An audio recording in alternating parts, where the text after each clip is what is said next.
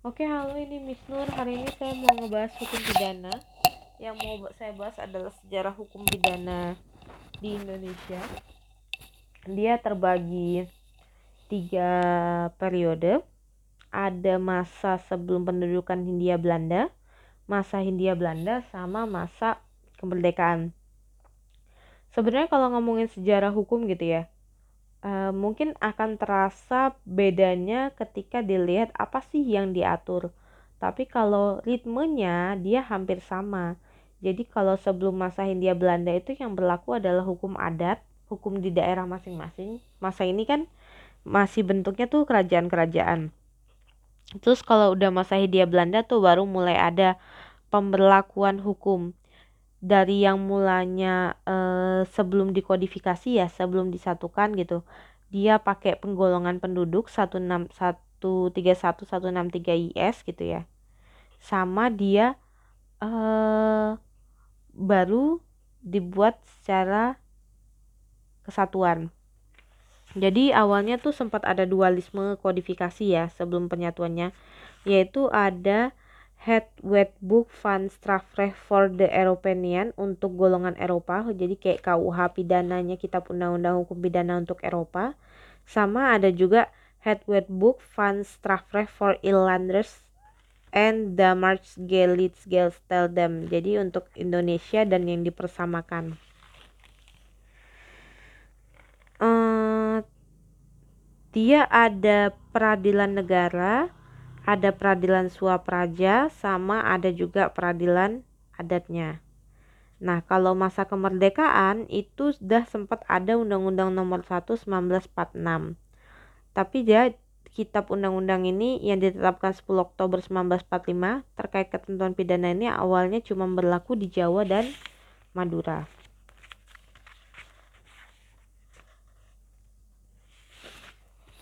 Oke. Okay ini udah kayak pengetahuan umum gitu ya. Jadi hukum yang ada di daerah negara jajahan itu biasanya mirip atau merupakan adopsi dari si penjajahnya. Sama juga dengan Belanda.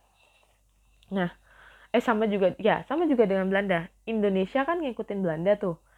Sampai sekarang kita mau ngebahas revisi kitab undang-undang hukum pidana cuman belum selesai-selesai gitu ya. Nah, Belanda itu ngikutin Prancis jadi kitab uh, hukum pidananya Belanda tahun 1881 itu uh, pengaruhnya dari Code Penalnya Prancis. Code Penal. Jadi dia aturan yang mengatur tentang hukuman. Jadi di Prancis dan di banyak negara Eropa sejak abad ke-16 telah muncul raja-raja dengan pemerintahan yang bersifat absolut. Masalah kenegaraan dan hukum pidana dipandang bukan merupakan bidang ahli para hukum, melainkan wewenang sepenuhnya dari raja. Para hakim mengadili berdasarkan wewenang raja dan memutus berdasarkan apa yang dipandang benar oleh para hakim itu sendiri. Akibatnya, para terdakwa tidak memiliki dasar atau titik tolak. Jadi bertolak dari keadaan hukum tersebut, maka di abad ke-18 muncul sejumlah penulis yang karya-karyanya menentang kesewenangan raja. Nah, di ahli pidananya ini ada salah satu tokohnya namanya Cesare Beccaria yang nerbitin buku yang berjudul De Delite e delle Pen tentang kejahatan dan pemidanaannya. E, salah satu doktrin Beccaria yang terkenal adalah hukum pidana harus tertulis dengan rumusan yang tepat dan tegas mengenai perbuatan yang merupakan tindak pidana. Pandangan ini yang telah mempengaruhi Kode Penal Prancis, terus mempengaruhi Kitab Undang-Undang Hukum Pidana, sampai akhirnya di Indonesia kita bisa lihat gitu ya, salah satu perwujudannya ada di asas legalitas. Oke, sistematika jadi setelah sejarah saya bahas sistematika kitab undang-undang hukum pidana. Ada tiga bagian. Yang pertama itu ketentuan umum, buku ke satu. Buku kedua itu tentang kejahatan. Buku ketiga itu tentang pelanggaran. Kejahatan itu bahasa Belandanya misdrijven. Pelanggaran itu overtredingen. Kalau ketentuan umum itu algemene bepalingen buku ke satu itu dia muat pengertian asas terus juga eh, hal-hal yang berkaitan dengan dasar terdiri dari 9 bab. Bab 9 adalah tentang arti beberapa istilah yang dipakai di kitab undang-undang.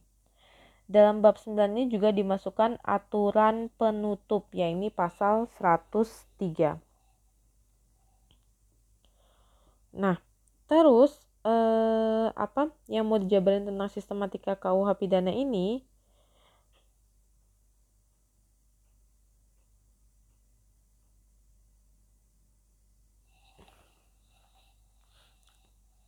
buku ke satu itu kayak eh, penghantarnya baru spesifikasinya diberlakukan penjabarannya dia masuk kejahatan kah atau dia masuk dalam pelanggaran Oke, saya lanjut. Saya mau jabarin gitu ya. Tadi kan kita sebutin buku kedua tentang kejahatan, buku ketiga tentang pelanggaran. Jadi, eh, kejahatan itu sering disebut delik hukum. Artinya sebelum hal itu diatur di undang-undang, sudah dipandang sebagai seharusnya dipidana. Sedangkan pelanggaran itu disebut sebagai delik undang-undang, artinya dipandang sebagai delik karena tercantum dalam undang-undang. Nanti bakal saya jelasin gitu ya, ada podcast sendiri berkenaan dengan delik. Intinya, kejahatan itu dia tindakan yang meskipun nggak diatur di undang-undang, orang udah nganggep itu harusnya dihukum.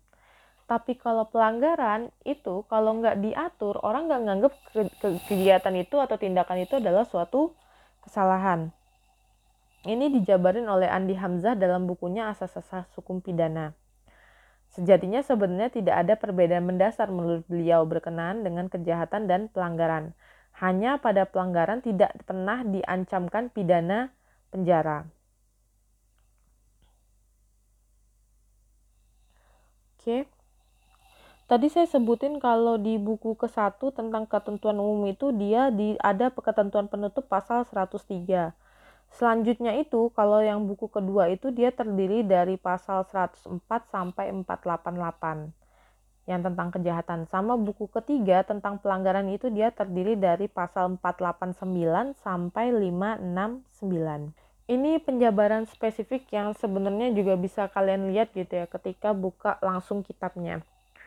Aturan umum itu, tadi kan saya bilang ada 9 bab. Dari mulai pengertian aturan umumnya, pidananya, hal-hal yang menghapuskan, mengurangi, atau memberatkan pidana, percobaan, penyertaan dalam tindak pidana, gabungan tindak pidana, mengajukan dan menarik kembali pengaduan dalam hal kejahatan yang hanya dituntut atas pengaduan, hapusnya kewenangan menuntut pidana dan menjalankan pidana sama beberapa istilah yang dipakai.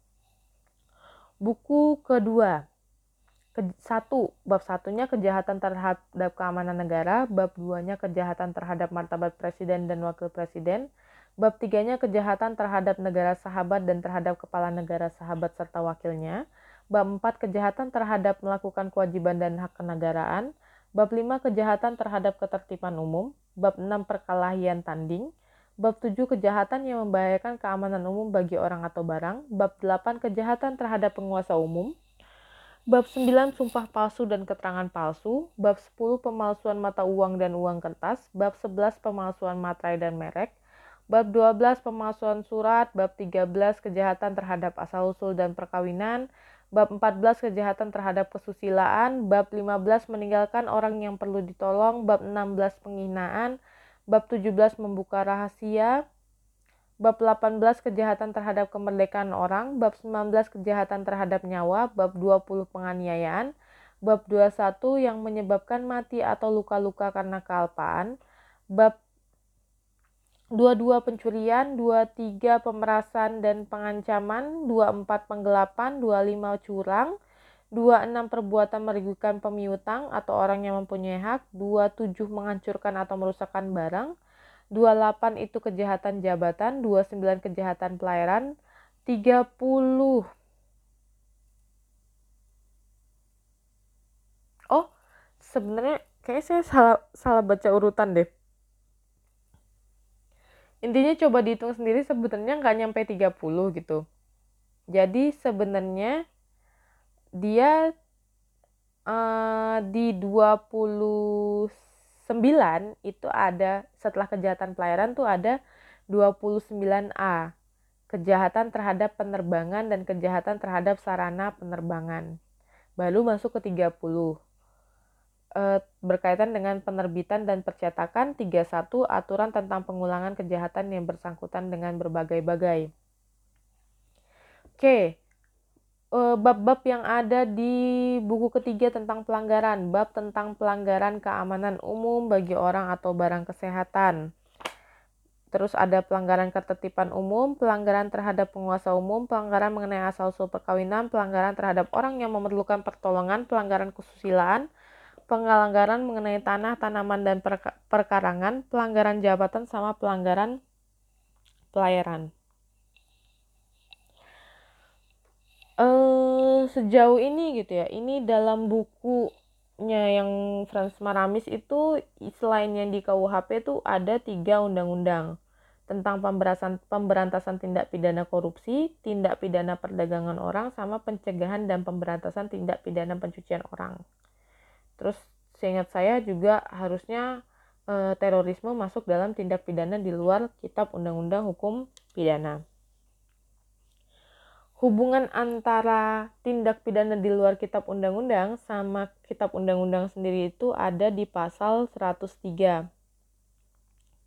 Jadi hmm, pasal 103 menyebutkan bab 1 sampai dengan bab 8. Jadi bab 9 dikecualikan dari ketentuan ini. Oke, itu uh, salah satu penjabarannya. Terus Nah, dibilang kenapa dikecualikan? Karena istilah-istilah itu juga berlaku bagi undang-undang yang memuat tindak pidana di luar kitab undang-undang hukum pidana. Maka di sini dilihat eh, kalau misalnya kita ingat asas eh, kalau ada konflik peraturan perundang-undangan gitu ya. Kalau kitab undang-undang hukum pidana ini jadi lex generalisnya, hukum umumnya. Sedangkan undang-undangnya yang tadi saya sebutin itu adalah ketentuan khususnya atau lex spesialis. Oke, mungkin itu secara singkat yang bisa saya sampaikan gitu ya. Tentang sejarah hukum pidana yang dibagi tiga periode sebelum masa pendudukan Belanda, masa kependudukan Belanda, dan masa kemerdekaan hingga sekarang ini. Sampai sekarang intinya kita belum pernah melakukan perubahan atau pengesahan hukum nasional berkenan Kitab Undang-Undang Hukum Pidana. Udah sempat sekitar empat kali lebih mau dibahas tapi belum disahkan dan tahun ini muncul lagi wacana untuk pengesahan Kitab Undang-Undang Hukum Pidana sesuai dengan ketentuan yang ada berkaitan di Indonesia hukum yang ada sekarang ini itu berasal dari Belanda.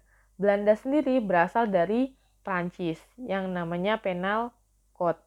Terus kitab eh, Undang-Undang Hukum Pidana ini dia punya tiga buku. Buku satu ketentuan umum, buku kedua kejahatan, buku ketiga pelanggaran. Bedanya kejahatan sama pelanggaran itu, pelanggaran hampir nggak pernah dipidana penjara.